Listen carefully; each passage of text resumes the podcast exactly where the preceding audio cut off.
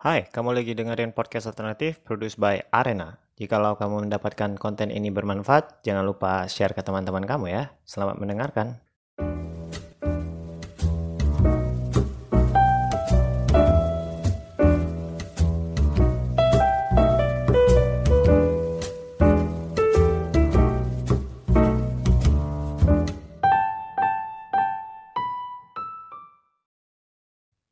Bismillahirrahmanirrahim. Assalamualaikum warahmatullahi wabarakatuh. Alhamdulillahirabbil alamin. Allahumma sholli ala Muhammad wa ala ali Muhammad. Selamat pagi, teman-teman. Salam sejahtera bagi kita semua.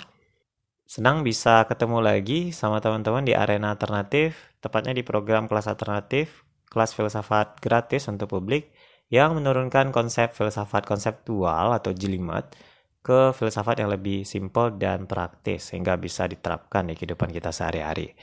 Masih sama gue tentunya, Kadri Fama, inisiator arena alternatif. Dan hari ini kita akan coba bahas tema menjadi minimalis digital. Sebenarnya gue angkat tema ini karena banyak yang request juga perbanyak pembahasan minimalisme.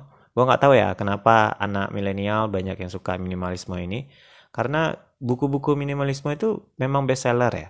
Pertama kita ngangkat minimalisme Jepang, yakni merapikan barang-barang. Basis kelas kita waktu itu adalah Fumio Sasaki dan juga ada tokoh-tokoh minimalisme lain seperti Marie Kondo dan kawan-kawan.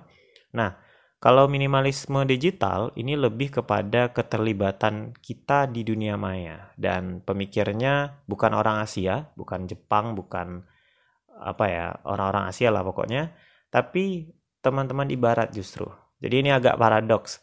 Teman-teman di barat mempromosikan modernisme, digitalisme, tapi hari ini juga ada dari mereka yang ingin meminimalkan aktivitas kita di dunia maya atau di digital.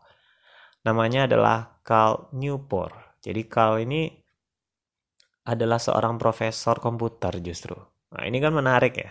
Jadi seorang profesor komputer bagaimana mungkin menyarankan kita untuk mengurangi keterlibatan kita di dunia maya. Tapi itulah yang dia tulis ya dalam buku minimalisme digital dia. Nah bagaimana pikiran-pikiran ini dapat membantu kita untuk terlepas dari ketergantungan atau scrolling sosmed berjam-jam atau tanpa sadar mengurangi produktivitas kita dan juga mungkin kebahagiaan kita ya.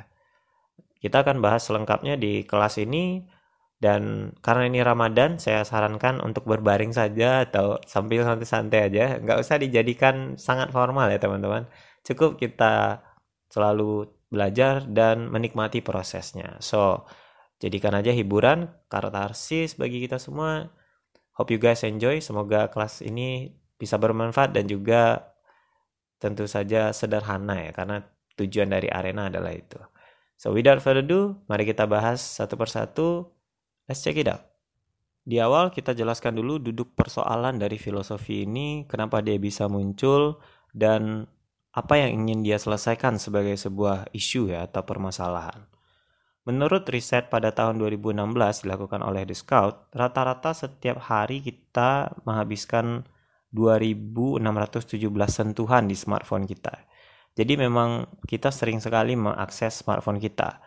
Tapi bagi orang yang sering sekali menggunakan smartphone, angka 2000-an ini bisa naik ke 5400 kali dalam sehari itu 2016 ya teman-teman. Belum masa pandemi kayak sekarang. Kalau sekarang mungkin kita bisa sampai angka 7000 atau 8000 kali dalam sehari.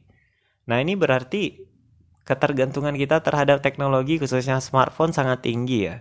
Di mana kita bisa sampai ribuan kali loh menyentuh smartphone dalam satu hari. Ini berarti ada banyak orang yang nggak bisa lepas dari smartphone-nya. Mungkin kamu merasa risih ketika kamu meninggalkan smartphone di rumah. Atau mungkin ketika kamu di ruang tunggu tidak mengakses sosmed misalnya. Pertanyaannya adalah, kenapa kita bisa punya ketergantungan begitu besar terhadap teknologi? Terhadap gadget, baik smartphone, laptop, tablet, dan apa pun itu. Ada seorang psikolog yang punya penjelasan tentang ini. Menurut Susan Wenseng, saya nggak tahu ya pronunciasinya gimana, tapi katanya Susan, Hormon dopamin adalah alasan dari sebuah ketergantungan terhadap teknologi, khususnya sosmed. Karena dopamin ini adalah sebuah hormon yang mengatur rasa atau sensasi senang dalam tubuh kita. Ketika dopamin ini dirilis atau dikeluarkan oleh otak, dia bisa memunculkan dorongan motivasi dalam diri kita untuk mencari hal-hal lain yang bisa membuat kita senang. Jadi, misalnya kamu lihat video lucu di Instagram, itu membuat hormon dopamin ini keluar. Nah, hormon dopamin yang keluar juga akan memotivasi kita untuk mencari kebahagiaan atau kesenangan lain setelah kita lihat video itu.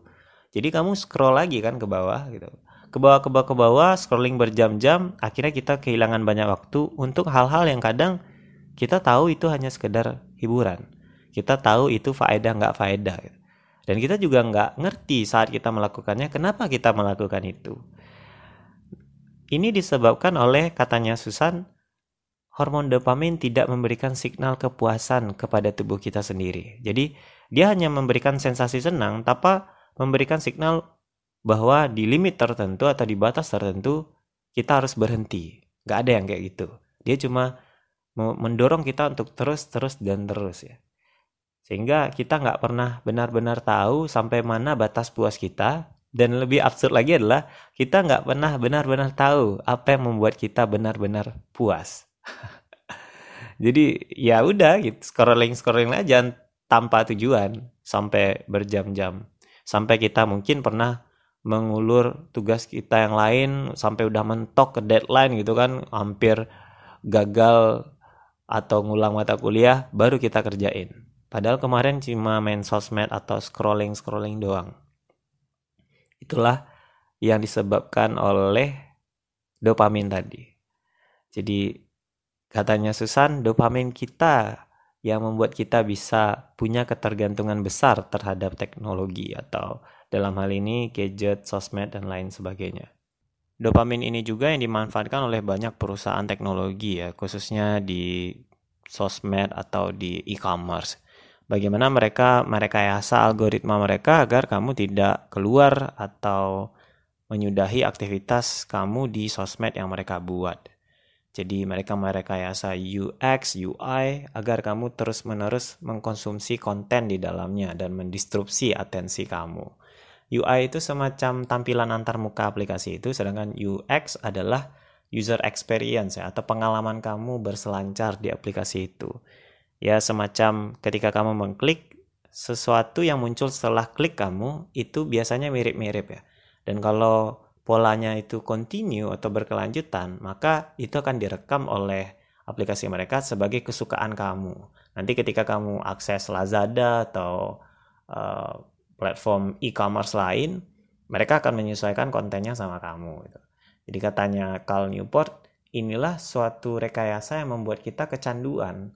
Jadi kita bisa scrolling berjam-jam itu, ujung-ujungnya adalah bisnis ekonomi ya kata Carl Newport. Kamu nggak bisa membuat uh, semacam keputusan yang jernih. Kadang-kadang kamu lihat e-commerce gitu kan, karena kamu misalnya suka anime A terus di kamar ada orang jual sweater atau jaket yang ada anime-anime yang kamu suka itu ya akhirnya kamu beli itu gitu. ujung-ujungnya adalah marketing ya. Ujung-ujungnya adalah ekonomi orang jual produk. Jadi itulah katanya Carl Newport sebagai hakikat teknologi hari ini. Jadi awalnya mungkin orang menggunakan atau menginstal sosmed itu untuk menghubungkan mereka dengan orang lain ya. Tapi akhirnya mereka justru adalah suatu entitas yang dimanfaatkan untuk tujuan bisnis di mana kamu harus nonton iklan lah, kamu harus lihat uh, beberapa promo-promo dan lain sebagainya. Dan kita tahu ya memang bisnis sosmed itu seperti itu. Jadi tidak ada yang salah sebenarnya dari demikian, cuman harus diakui bahwa rekayasa algoritma itu memang ditujukan untuk bisnis. Dengan kata lain, teknologi tidak dibuat netral. Teknologi didesain untuk membuat kita terus-menerus menjadi orang yang konsumtif. Ada kutipan menarik dari Edward Snowden yang ingin saya bawa di kelas ini ya. Katanya Snowden, if you do not pay for product, then you are the product. Kalau kamu tidak perlu membayar suatu produk, berarti kamu produknya. ya kan? Kesukaan kamu di sosmed atau data-data preferensi klik-klik kamu tadi kan diekstrak sedemikian rupa dijadikan sebuah data dan kemudian dijual. Itulah kemudian yang menjadi basis bagi e-commerce e-commerce dalam menawarkan produknya tadi. Jadi kamu akhirnya menjadi sebuah aset bagi perusahaan yang mendirikan sosmed tadi atau membuat aplikasinya. Itu katanya Edward Snowden. Sedangkan kutipan lain dari Harvey David Thoreau Walden sangat ribet ya namanya, cuman kita singkat aja Walden. The mass of men lead lives of quiet desperation. They honestly think there is no choice left. But alert and healthy natures remember that the sun rose clear. It is never too late to give up our prejudice. Katanya Walden, kebanyakan orang hari ini hidup di depresi sunyi atau di depresi yang diam-diam itu, depresi yang disembunyikan. Mereka berpikir semacam gak ada lagi memang pilihan lain. Selain ya udah jalani aja gitu kan. Atau biarin aja depresi yang penting kita tidak terlihat depresi gitu. Padahal sebenarnya iya. Tapi ingat katanya Walden matahari masih terbit dengan seyokianya. Masih ada alam yang indah ini. Tidak pernah terlambat untuk mengakhiri praduga kita. Jadi praduga itu anggapan bahwa nggak ada alternatif lain tadi itu harus diakhiri katanya Walden. Dan itu nggak akan pernah terlambat kita bisa memulainya hari ini. Lalu pertanyaannya apakah kita harus anti teknologi? Karena kita lihat tadi teknologi tidak lagi netral. Jawabannya tentu tidak ya karena kalau kayak gitu kita kembali lagi ke masa-masa tanpa teknologi. Jadi primitif kamu kan? Nggak mungkin. Tapi pertanyaan yang paling mungkin diajukan adalah kalau begitu Lantas solusinya apa? Bagaimana kita mengatur ulang interaksi kita dengan teknologi agar kita tidak jadi produk tadi, agar kita tidak jadi konsumen yang mengakses konten terus-menerus. Jawaban atas pertanyaan tersebut menjadi inti dari pembahasan buku Cal Newport. Jadi dia memberikan judul bukunya Digital Minimalism, Choosing a Focused Life in Noisy World atau minimalisme digital memilih hidup yang fokus di tengah dunia yang semeraut atau dunia yang bising ya. Dan bagi Cal Newport, digital minimalism ini lebih ke arah filosofi. Dia mendefinisikan digital minimalismenya sebagai berikut.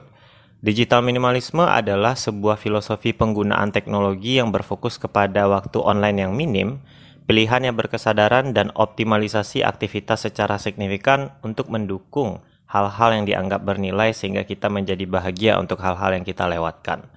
Ini berarti dia punya pandangan unik ya karena kalau kita punya FOMO atau fears of missing out misalnya.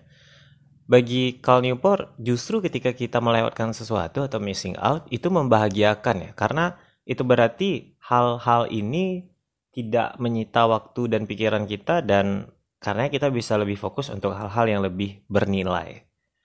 Dan dari definisi ini kita juga bisa simpulkan bahwa dia punya karakteristik dari digital minimalisme itu ada tiga. Pertama, waktu online yang minim. Jadi bukan tidak online tapi waktu onlinenya yang diminimalisir gitu. Yang kedua, pilihan yang berkesadaran. Gak ada cerita bagi seorang digital minimalis, oh ternyata kita udah online tiga jam ya nggak kerasa, nggak ada yang kayak gitu. Ketika dia online, dia memang meniatkan atau sadar menetapkan durasinya. Jadi nggak ada terkejut semacam tadi. Yang kedua, optimalisasi aktivitas secara signifikan. Jadi begitu kamu meminimalkan waktu online kamu dan kamu punya kesadaran yang penuh kapan dan seharusnya kamu tidak online, kamu akan punya optimalisasi aktivitas. Jadi kamu lebih produktif, performa kerja kamu meningkat, studi kamu lebih cemerlang hasilnya dan lain sebagainya. Jadi dari sini kita bisa lihat ya bahwa dari definisi Cal Newport dia udah punya fondasi yang cukup kuat untuk menjelaskan hal-hal selanjutnya terkait digital minimalism. Jadi nanti akan dibahas prinsipnya, kemudian juga apa langkah-langkah menurunkan prinsip ini sampai kita menjadi seorang minimalis digital. Dalam minimalisme digital setidaknya ada tiga prinsip ya yang akan menjadi dasar selanjutnya bagaimana menjadi seorang minimalis digital. Pertama, cluttering is costly atau segala sesuatu yang berlebihan di dunia maya pasti ada harga yang harus dibayar. Sesimpel misalnya scrolling, punya email atau gaming atau bermain game. Kita bahas scrolling contohnya. Kalau kamu scrolling sampai 2 atau 3 jam, itu kan terkesan biasa aja ya. Daripada gabut bang atau daripada nggak apa-ngapain nunggu buka puasa juga. Atau kapan lah mau tidur misalnya sejam sebelum tidur. Itu akan pasti kamu bayar dengan harga yang cukup mahal. Misal nih dalam kehidupan sehari-hari di luar Ramadan kamu scrolling 2 sampai 3 jam sehari ternyata saat itu kamu sebenarnya ada tugas begitu kamu lalai dengan tugas kamu, akhirnya kan kamu deadline. Selesai sih, tapi hasilnya nggak maksimal. Kalau maksimal, mungkin kamu bisa dapat nilai yang bagus dan berpotensi dapat beasiswa atau mahasiswa berprestasi misalnya. Atau setidaknya kamu punya peluang ngegarap proyek dosen. Tapi ya gara-gara kamu nggak pernah maksimal ya tugas biasa-biasa aja. Kalau nggak B min ya B plus, akhirnya kesempatan itu lewat ada harga yang harus kamu bayar. Atau andaikan pun nilai kamu bagus, tapi kan deadline. Kamu paksa deadline untuk nilai bagus, berkemungkinan besar kamu begadang. Dan kalau kamu begadang dalam jangka panjang, harga yang harus kamu bayar lebih mahal lagi, yakni apa? Kesehatan kamu. Mungkin kamu sering insomnia, mungkin kamu anemia dan lain sebagainya. Karena jangka panjang itu kan mengurangi produksi darah merah ya. Produksi darah merah itu terjadinya kalau nggak salah cuma sekali dalam beberapa minggu dan kurang waktunya tuh setengah sebelas malam atau jam 10 sampai jam 3 pagi. Itu kan waktu-waktu kita begadang. Dan selama kita sering begadang, sel darah merah nggak bisa diproduksi karena kita masih bangun. Itulah kenapa begadang itu sering bikin penyakit jantung katanya dokter Tirta. Dan itu paling banyak ya diklaim dari BPJS belakangan ini. Jadi begadang adalah suatu yang disebabkan oleh scrolling kamu menyebabkan time management sangat buruk dan akhirnya yang kamu korbankan untuk segala sesuatu yang bermula dari scrolling adalah kesehatan kamu.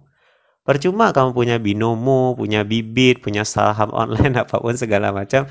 Kalau kamu stroke teman-teman, kalau kamu punya penyakit jantung tiba-tiba itu, itu yang harus kamu bayar. Padahal awalnya tadi cuma scrolling doang itu. Jadi efek dominonya sangat besar ya. Itu yang disebut dengan costly atau harga yang dibayar tuh mahal. Berawal dari hal-hal yang berlebihan. Atau kamu gaming sangat fokus jadi pro gamer atau profesional gamer. Apa yang harus kamu bayar dari situ? Ya pastinya yang paling dekat aja hubungan sosial kamu. Gamer itu kan punya target ya, misalnya kayak dia push rank atau dia pengen kejar level. Ada banyak mungkin tempat tongkrongan yang dulu dia sering sharing-sharing pikiran, sering-sering project, nggak lagi dia datangi. Kenapa? Gara-gara sibuk gaming, terlalu banyak waktu yang dihabiskan di situ. Harga yang harus dibayar adalah pertemanan. Emangnya ketika kamu perlu gamer vendor kamu atau siapalah di game itu bisa tolong kamu? Belum tentu ya. Teman-teman sekitar kita ini loh yang kan aware dengan kita biasanya. Tapi kita korbankan itu gara-gara terlalu banyak waktu yang kita habiskan di game. Atau apa lagi? Misalnya email tadi kalau kamu berlangganan email yang nggak penting, terus dia numpuk-numpukin kan institusi itu biasanya ngirim email marketing ya setiap minggu atau setiap bulan. Yang penting akhirnya tergeser. Mungkin banyak peluang di situ dan akhirnya lewat begitu saja gara-gara mungkin ada subscribe apa gitu di atas dan lain sebagainya.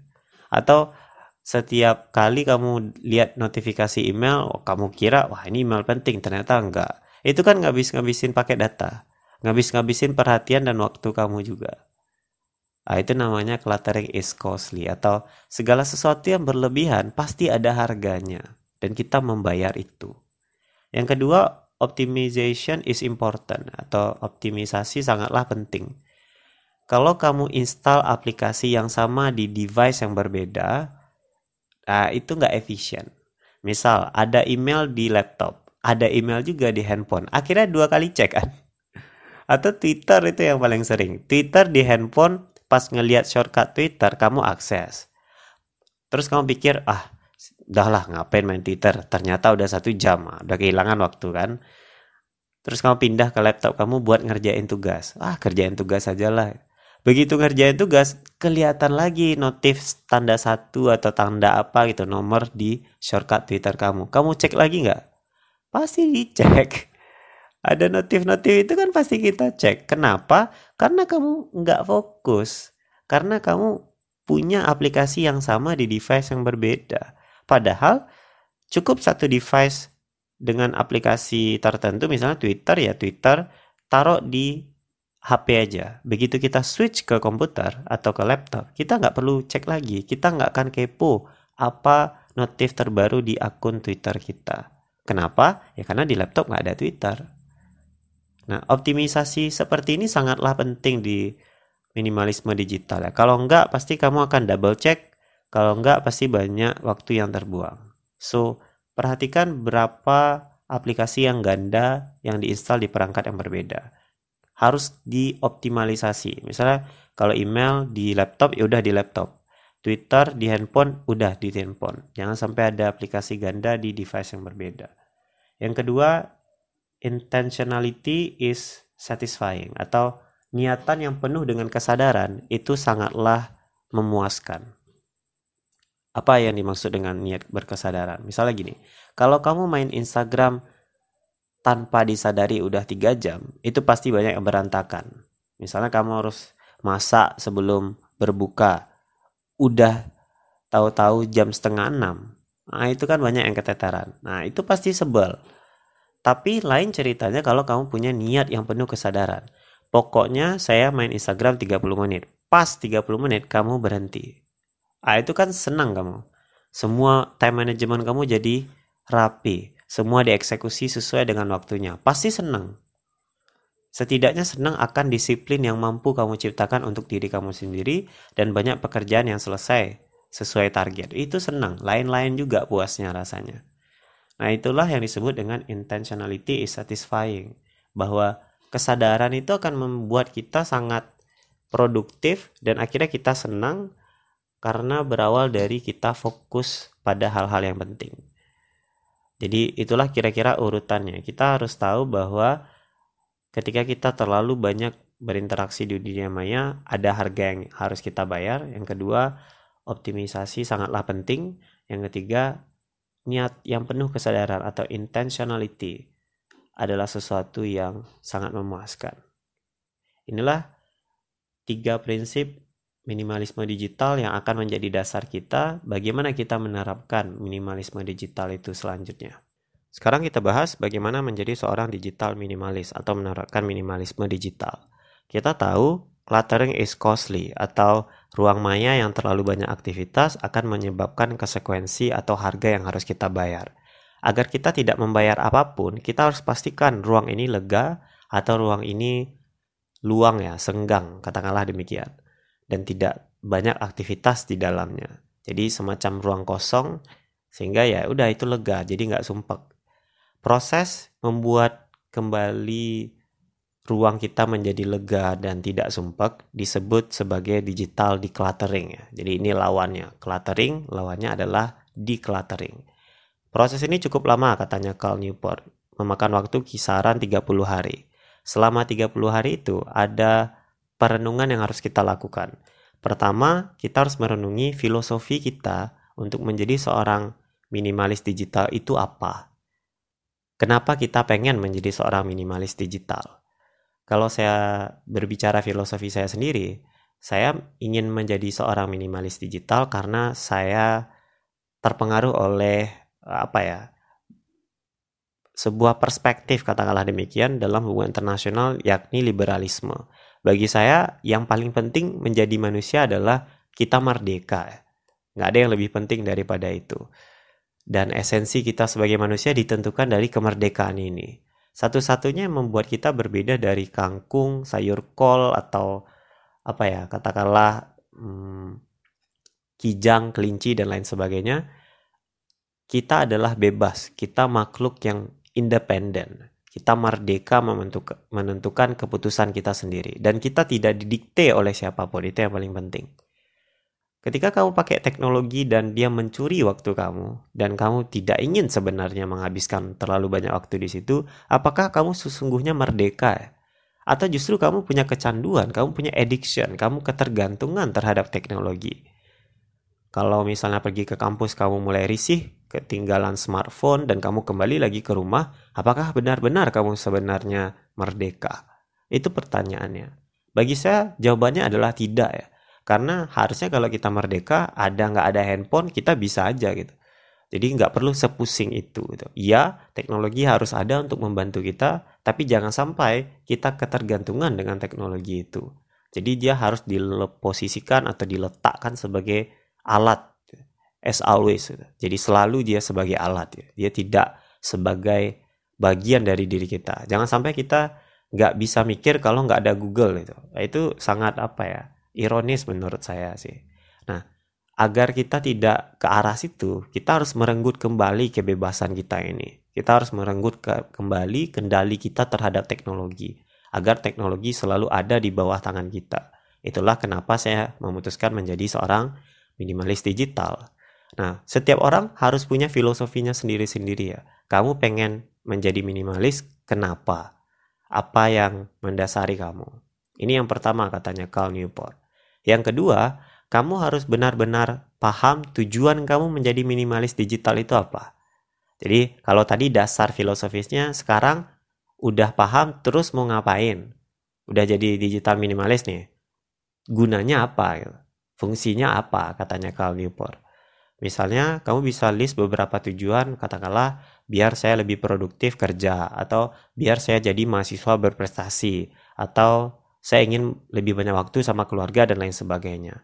Itu harus ditetapkan sedari awal A, B, C, D, kira-kira demikian. Dan yang ketiga, barulah kita kembali merenungi, apakah teknologi yang kita pakai hari ini berkaitan dengan semua tujuan dan prinsip hidup kita atau filosofi kita tadi. Nah, kalau enggak, jangan segan-segan katanya Carl Newport untuk uninstall. Bahkan di sebuah podcast dia bilang, you don't need social media. Jadi Carl Newport ini memang nggak punya sosmed ya. Dan ketika ditanya apakah orang nggak kesal itu ketika ingin menghubungi kamu dan sulit sekali karena kamu nggak punya sosmed. Katanya Carl, kenapa orang bisa kesal? Biasanya orang kesal karena justru ketika kamu punya sosmed atau memutuskan untuk tidak punya sosmed, kamu tuh nggak jelas. Kadang-kadang kamu balas orang, kadang-kadang enggak. Kadang-kadang kamu responsif, kadang-kadang enggak. Akhirnya kan orang punya harapan atau ekspektasi sedari awal katanya Kal. Itulah yang membuat orang marah ketika ekspektasi ini tidak terpenuhi. Tapi kalau dari awal kamu jelasin kamu nggak punya sosmed dan kamu hanya bisa dihubungi lewat katakanlah selular atau telepon biasa di waktu-waktu tertentu. Nah itu orang jelas, jadi orang nggak marah gitu. Itu katanya Carl Newport dan jadi dia berarti dia punya justifikasi ya. Dia tidak tidak merasa perlu ikut tren, tapi dia merasa perlu membuat sebuah jawaban terhadap pertanyaan orang. Itu aja yang bagi dia penting. Jadi kalau saya pribadi mungkin tidak sekeras itu ya digital minimalisme saya. Cuman saya pikir beberapa sosmed bisa di streamline atau bisa di uninstall gitu. Kembali lagi tujuan kita apa? Kalau kamu menjadi mahasiswa sekarang dan ingin menjadi mahasiswa aktivis atau berprestasi misalnya. Pertanyakan ulang, apakah kamu butuh Instagram yang notabene-nya menekankan picture atau gambar ya? Apakah kamu butuh itu? Jangan-jangan kamu lebih butuh Twitter misalnya karena harus informasinya lebih cepat gitu. Karena nggak pakai gambar-gambaran kan, cuma nge-tweet gitu. Itu cuma terbatas di sejumlah karakter. Jadi orang sangat cepat harus informasinya di Twitter. Jangan-jangan kamu perlu itu. Atau mungkin kamu kayak saya, tidak perlu Twitter misalnya ya kan? Saya lebih suka Instagram karena audiens saya ada di arena alternatif khususnya di Instagram. Jadi saya reach audience lewat Instagram itu. Sedangkan menurut saya Twitter itu terlalu bising ya terlalu ya itu tadi cepat arus informasinya. Sampai-sampai kadang ada gosip misalnya istri orang selingkuh gitu. saya nggak ngerti kenapa itu penting untuk dibahas. Ya kan kontribusinya ke hidup saya apa Tapi lagi-lagi ini kembali ke tujuan kita tadi. Siapa tahu bagi kamu itu penting gitu. Atau misalnya kamu adalah seorang profesional trainer, mungkin kamu perlu LinkedIn. Ada beberapa yang tidak profesional ya dia tidak perlu LinkedIn gitu. Jadi ini segala sesuatunya tergantung pribadi kita masing-masing. Jadi kebutuhan kita berbeda, filosofi kita beda-beda, maka argumennya Carl Newport digital minimalisme atau gaya minimalisme orang di dunia maya bisa aja beda-beda. Kita akan bahas bagaimana perbedaan ini. Tapi intinya untuk menjadi seorang minimalis digital ada tiga proses. Yakni punya filosofi kita sendiri, mengetahui kenapa kita ingin menjadi seorang minimalis. Yang kedua, kita harus punya tujuan setelah jadi minimalis ini apa gitu ngapain kita menjadi seorang minimalis, apa yang hendak dicapai, dan ketiga, apakah teknologi yang kita pakai menunjang kita untuk sampai pada tujuan kita. Kalau enggak, ya hapus saja gitu. Enggak ada keharusan untuk punya sosial media tertentu, kecuali kamu memang punya tujuan di sana. Kira-kira begitu ya. Pertama, ingat digital decluttering.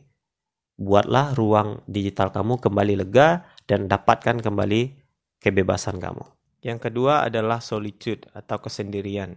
Katanya Carl, biarkan pikiran kamu menyendiri. Biarkan diri kamu solitude. Bagaimana cara kita membuat diri kita solitude? Intinya satu, katanya Carl. Berhentilah mengkonsumsi konten terlalu banyak. Hari ini kan kita mengkonsumsi konten itu nggak henti-henti ya. Mau makan siang aja, pas makan kamu masih lihat TikTok itu, masih lihat Instagram, story-story orang dan lain sebagainya. Alih-alih kamu benar-benar menikmati makan. Ini terlalu berlebihan ya, karena bahkan untuk waktu kita merecharge diri atau memberikan nutrisi ke tubuh kita, kita nggak pernah benar-benar peduli ke diri kita, apalagi sama yang lain. Jadi kesendirian ini penting. Akan tetapi jangan pernah merasa kesendirian ini ada kaitannya sama kontak fisik katanya Kal. Bukan berarti kamu ingin sendiri, solitude, kamu pergi ke tempat yang gak ada orang, bukan itu. Kalau kamu pergi ke tempat yang gak ada orang, tapi pikiran kamu masih sumpah karena terlalu banyak konten, itu bukan solitude. Kebalikannya kamu pergi ke restoran cepat saji atau ke kafe itu. Orang ada yang main Uno, ada yang pacaran, ada yang macam-macam. Tapi kamu duduk di situ, kamu lihat buku kamu atau kamu lihat paper kamu dan kamu ngerjain tugas kamu. Nah, itu solitude.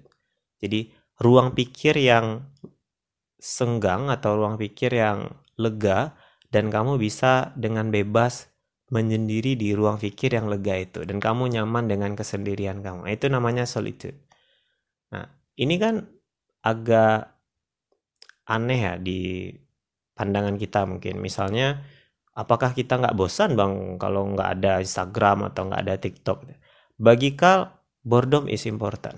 Jadi boredom oftentimes destroy by technology. Katanya Kal, boredom atau kebosanan itu penting dan teknologi menghancurkannya.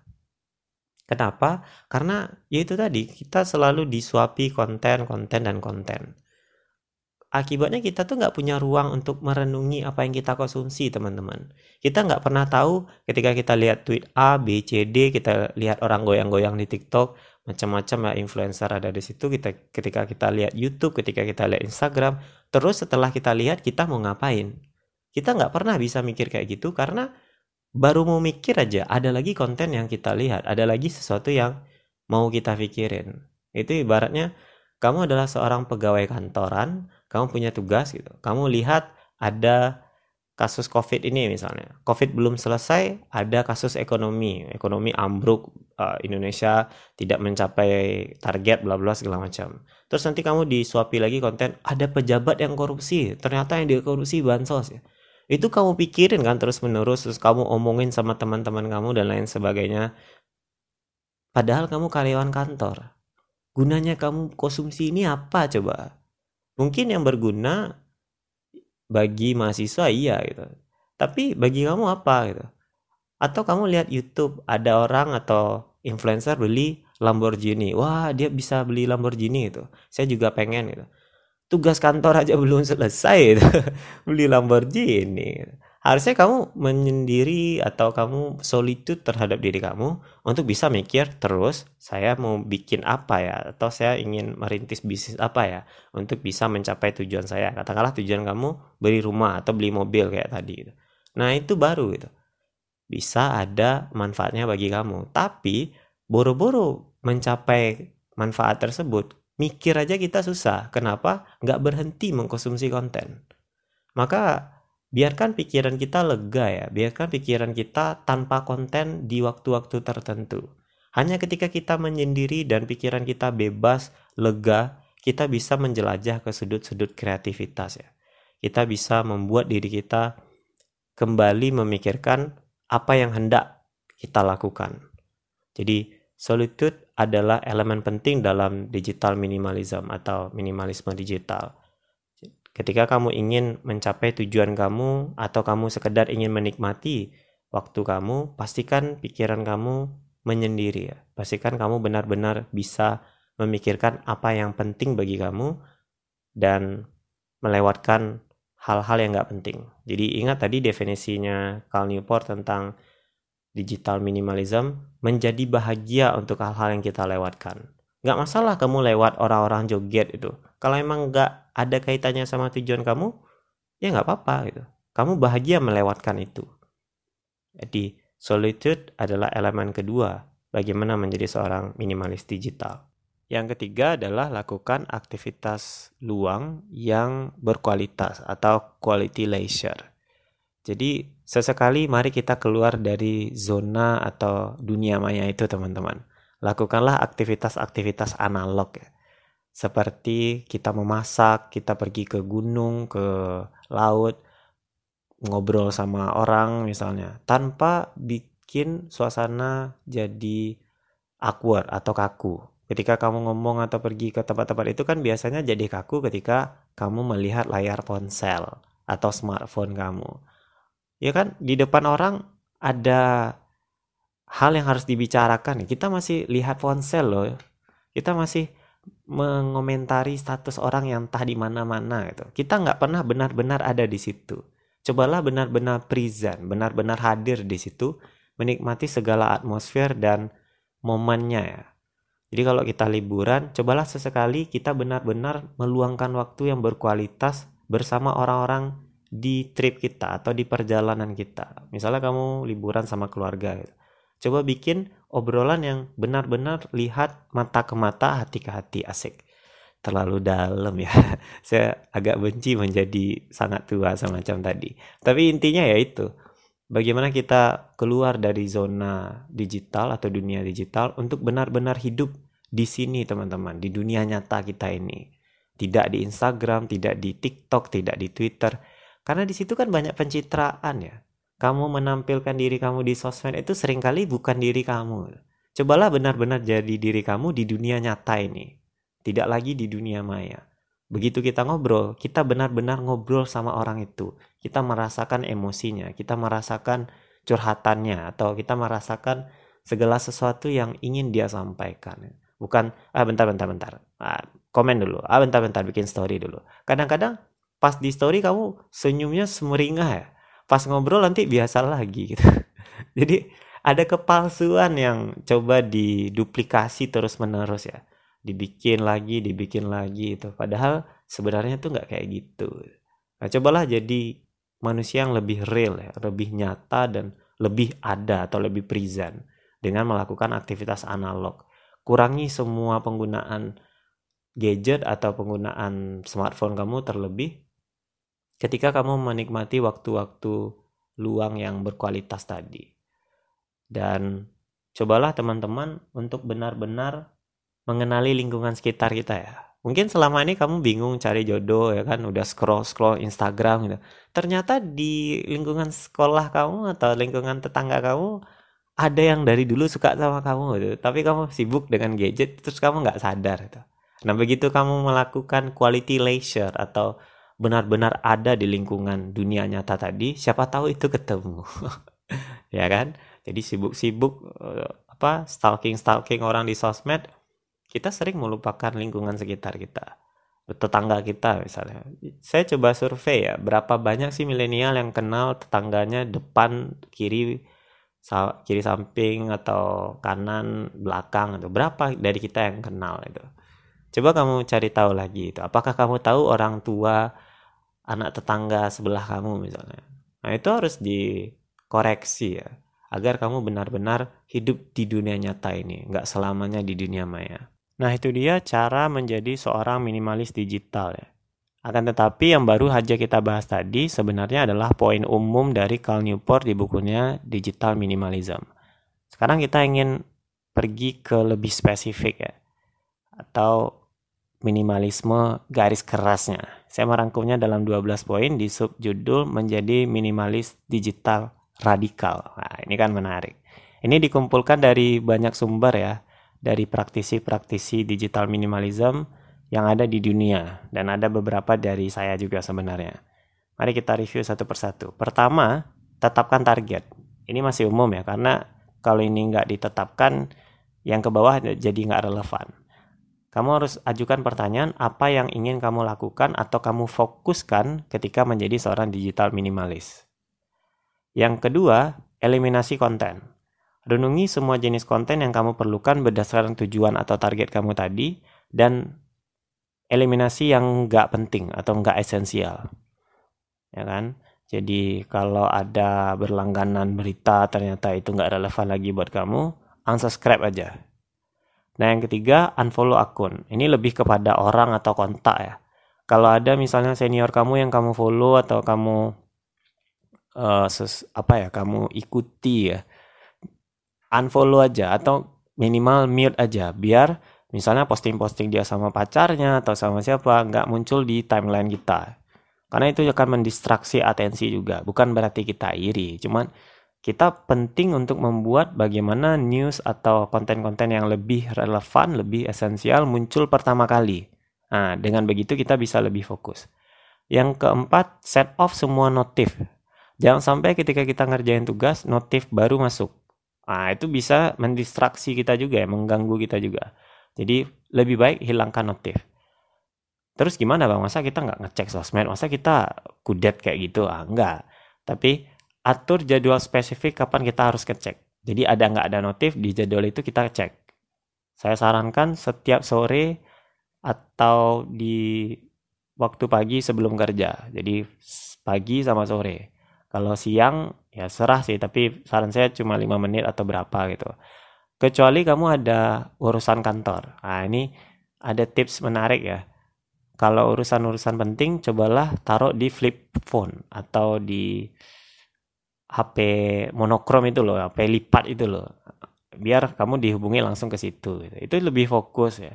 Tapi saya nggak tahu apakah ini relevan buat kamu. Karena beberapa minimalis digital yang radikal ya khususnya menerapkan penggunaan flip phone tadi. Jadi apakah kamu bisa kayak itu saya nggak tahu ya. Mungkin tim kamu biasanya di WhatsApp saya nggak ngerti. Cuman minimal kalau kamu ingin menerapkan ini pastikan itu oke okay di lingkungan kamu. Jadi kamu masih bisa dihubungi dan orang nggak akan marah. Komunikasikan aja dengan baik. Yang keenam jangan pernah menumpuk file. Jadi jangan salah kalau kamu simpan musik di HP kamu atau film di laptop kamu, kadang-kadang kamu bakal ngecek lagi kok. Habis waktu sejam atau dua jam untuk ngelihat itu doang. Nah, jadi taruhlah file-file tersebut di jejaring online ya, kayak Google Drive atau yang semacam itu. Agar kamu perlu effort lebih untuk mengaksesnya. Jadi kalau nggak penting-penting amat, nggak usah diakses. Kadang-kadang kan kita akses itu bukan karena penting ya. Ya kebetulan ada aja di situ. Yang kayak gitu-gitu perlu dihindari. Jangan ditumpuk di device kita. Selanjutnya yakni yang ketujuh, ringkas penggunaan gadget. Kayak yang saya bilang tadi, misalnya udah install Twitter di PC, jangan sampai ada Twitter lagi di smartphone, biar kita nggak double check. Yang kedelapan, lakukan active leisure dengan aturan satu banding satu. Misalnya, di waktu luang kita habisin waktu 30 menit di dunia maya, jangan sampai dikompensasi 20 menit saja, tapi harus sama 30 menit. Jadi 30 menit di dunia maya, 30 menit di dunia nyata. Jadi ini aturan satu banding satu. Yang kesembilan, batasi streaming ke satu hari. Nah, ini agak sulit ya. Saya nggak yakin teman-teman bisa. Cuman ada beberapa minimalis digital yang seradikal itu. Jadi dia streaming ke satu hari aja. Misalnya tetapkan hari Minggu boleh streaming, Netflix, view apa pun itu boleh hari Minggu saja. Di luar hari Minggu ya nggak boleh. Yang 10 jadwalkan email ke satu hari. Ini lebih ke arah email personal ya. Kalau email yang non personal kayak email kerja ya tentu kita harus balas atau kita lihat email tersebut setiap hari gitu.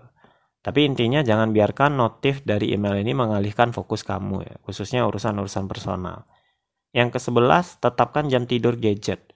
Setiap jam 8 malam atau jam berapa lah sesuai dengan jadwal kamu, pastikan nggak ada lagi orang yang bisa hubungi kamu. Jadi semua harus disconnect atau flight mode ya di jam tidur ini.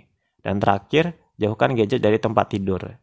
Ini penting untuk membuat kita bisa tidur dengan optimal ya karena tidur itu kan punya gelombang-gelombang tertentu. Untuk bisa sampai ke tidur yang produktif, yang benar-benar memperbaiki sel metabolisme dan lain sebagainya, itu memang harus jauh dari gadget. Jadi letakkan gadget mungkin di rak atau di mana biar kita bisa masuk ke tidur produktif itu. Jadi gimana? Apakah teman-teman pengen jadi radikal minimalis atau teman-teman pengen jadi minimalis versinya sendiri ya. Apa pun itu minumnya teh botol eh bukan. Apa pun itu pastikan itu sesuai dengan diri kamu dan tujuan kamu. Itu intinya. Karena katanya kau tadi kan kita semua berhak bikin filosofi kita sendiri. Akan tetapi dua slide menjelang kelas kita berakhir ini saya ingin nambahin ya. Hal yang berubah setelah kita menerapkan minimalisme digital yang saya rasakan aja dulu beberapa hari belakangan ini. Pertama, timely manner and productive. Segala sesuatu yang saya kerjakan itu benar-benar on time ya atau benar-benar sangat strict to the schedule sesuai dengan jadwal yang saya buat. Karena selama tinggal hal-hal yang nggak penting ya saya bisa fokus ke agenda saya sendiri dan karenanya saya tidak lagi deadlineer jadi produktivitas saya meningkat tajam atau signifikan. Bahkan kemarin uh, mentor saya pernah challenge atau ngasih saya tugas. Jadi tugasnya dikasih malam, besok pagi saya kerjain dan selesai. Ya tentu ada beberapa proses sebelum disubmit, tapi subuh besoknya udah submit. Dan itu sangat maksimal ya, artian walaupun cepat hasilnya bukan kaleng-kaleng. Karena memang bikinnya serius tidak ada distraksi tidak ada gangguan dan selesainya on time. Nah itu timely manner. Dan of course ketika teman-teman timely manner semua kerjaan lain yang menunggu setelah itu kan bisa dikerjakan setelahnya. Nah itu menjadikan saya produktif. Yang kedua awareness ya atau kesadaran akan diri sendiri dan lingkungan ya saya sadar akhirnya bahwa saya punya pikiran yang misalnya bermasalah dengan hal A, B, C gitu. Ketika saya punya solitude tadi atau pikiran yang sendiri tadi itu. Ada banyak hal atau ide yang saya dapat ketika saya solitude ya atau saya memiliki waktu untuk menyendiri dalam pikiran saya. Dan saya akhirnya bisa mengamati lingkungan sekitar, misalnya orang tua saya, ada hal-hal yang sebelumnya tidak terperhatikan tapi akhirnya saya sadari bahwa oh ternyata orang tua saya tuh kayak gitu gitu. Jadi ada insight, ada wawasan-wawasan baru masuk ketika saya itu tadi solitude dan menghabiskan waktu bersama orang-orang ini dengan quality leisure ya, atau kualitas uh, dari interaksi yang langsung atau ya tadi aktivitas analog. Jadi setidaknya dua hal ini akan berubah beriringan selama teman-teman mempraktekkan minimalisme digital. Saya nggak tahu apakah udah ada yang pernah coba, mungkin sebelum ikut kelas ini, silakan juga tambahkan experience-nya di kolom komentar. Sebelum ditutup, saya ingin menambahkan sebuah analisis yang menarik ya, antara minimalisme dan puasa. Bagi saya, antara minimalisme dan puasa punya kesamaan prinsip, yakni kedua-duanya sama-sama menganut sebuah nilai having less is getting more atau lebih sedikit sama dengan lebih banyak. Misalnya ketika kamu meminimalisir kepemilikan barang dalam minimalisme barang, itu berarti kamu ingin barang-barang kamu sedikit sehingga kamu lebih fokus kepada hal-hal yang lebih penting kemudian kamu lebih produktif, dan ujungnya yang kamu target adalah bahagia. Ini kan bahagia dalam konteks tujuan minimalisme kita tadi adalah benefit ya atau tujuan atau manfaat yang ingin kita kejar. Sedangkan kalau kita lihat puasa, prinsipnya juga sama. Ketika kita menahan diri untuk makan atau minum, kita ingin mengejar benefit juga. Baik dalam konteks kesehatan, misalnya kita bisa menurunkan gula darah, atau kita bisa memperbaiki sel-sel tubuh yang rusak atau metabolisme yang juga udah usang. Dari situ kita bisa lebih sehat. Atau dalam konteks spiritual, dengan puasa kamu bisa menjadi bertakwa misalnya. Apa pun itu, bertakwa maupun konteks kesehatan tadi lebih sehat misalnya, dua-duanya juga benefit ya. Di mana pada akhirnya antara minimalisme dan puasa sama-sama menarget benefit di bidang yang berbeda. Jadi ada benang merah di sini, ada kesamaan prinsip antara minimalisme dan puasa. Akan tetapi itu menurut saya, bagaimana kira-kira menurut teman-teman? Apakah memang kedua-duanya punya kesamaan prinsip atau bagaimana? Mari kita diskusikan nanti. Itu dia kelas alternatif 15 menjadi minimalis digital. Semoga semua materi yang dijelaskan tadi bisa bermanfaat bagi teman-teman dan tentunya bisa kita terapkan ya karena Mungkin ada beberapa hal yang nggak bisa, tapi disesuaikan saja dengan kebutuhan kita. Saya Kadri Fama, inisiator Arena Alternatif, dan segenap kru yang bertugas, waduh, formal sekali ya, mengucapkan mohon maaf atas segala kekurangan dan juga kesalahan selama kelas. Terima kasih udah join. Semoga kita bisa bertemu di kelas berikutnya. Kami pamit undur diri. Wabillahi taufik wal hidayah. Assalamualaikum warahmatullahi wabarakatuh. Terima kasih ya udah mendengarkan podcast alternatif. Jangan lupa untuk follow kita di Instagram @arenaalternatif untuk konten-konten menarik lainnya.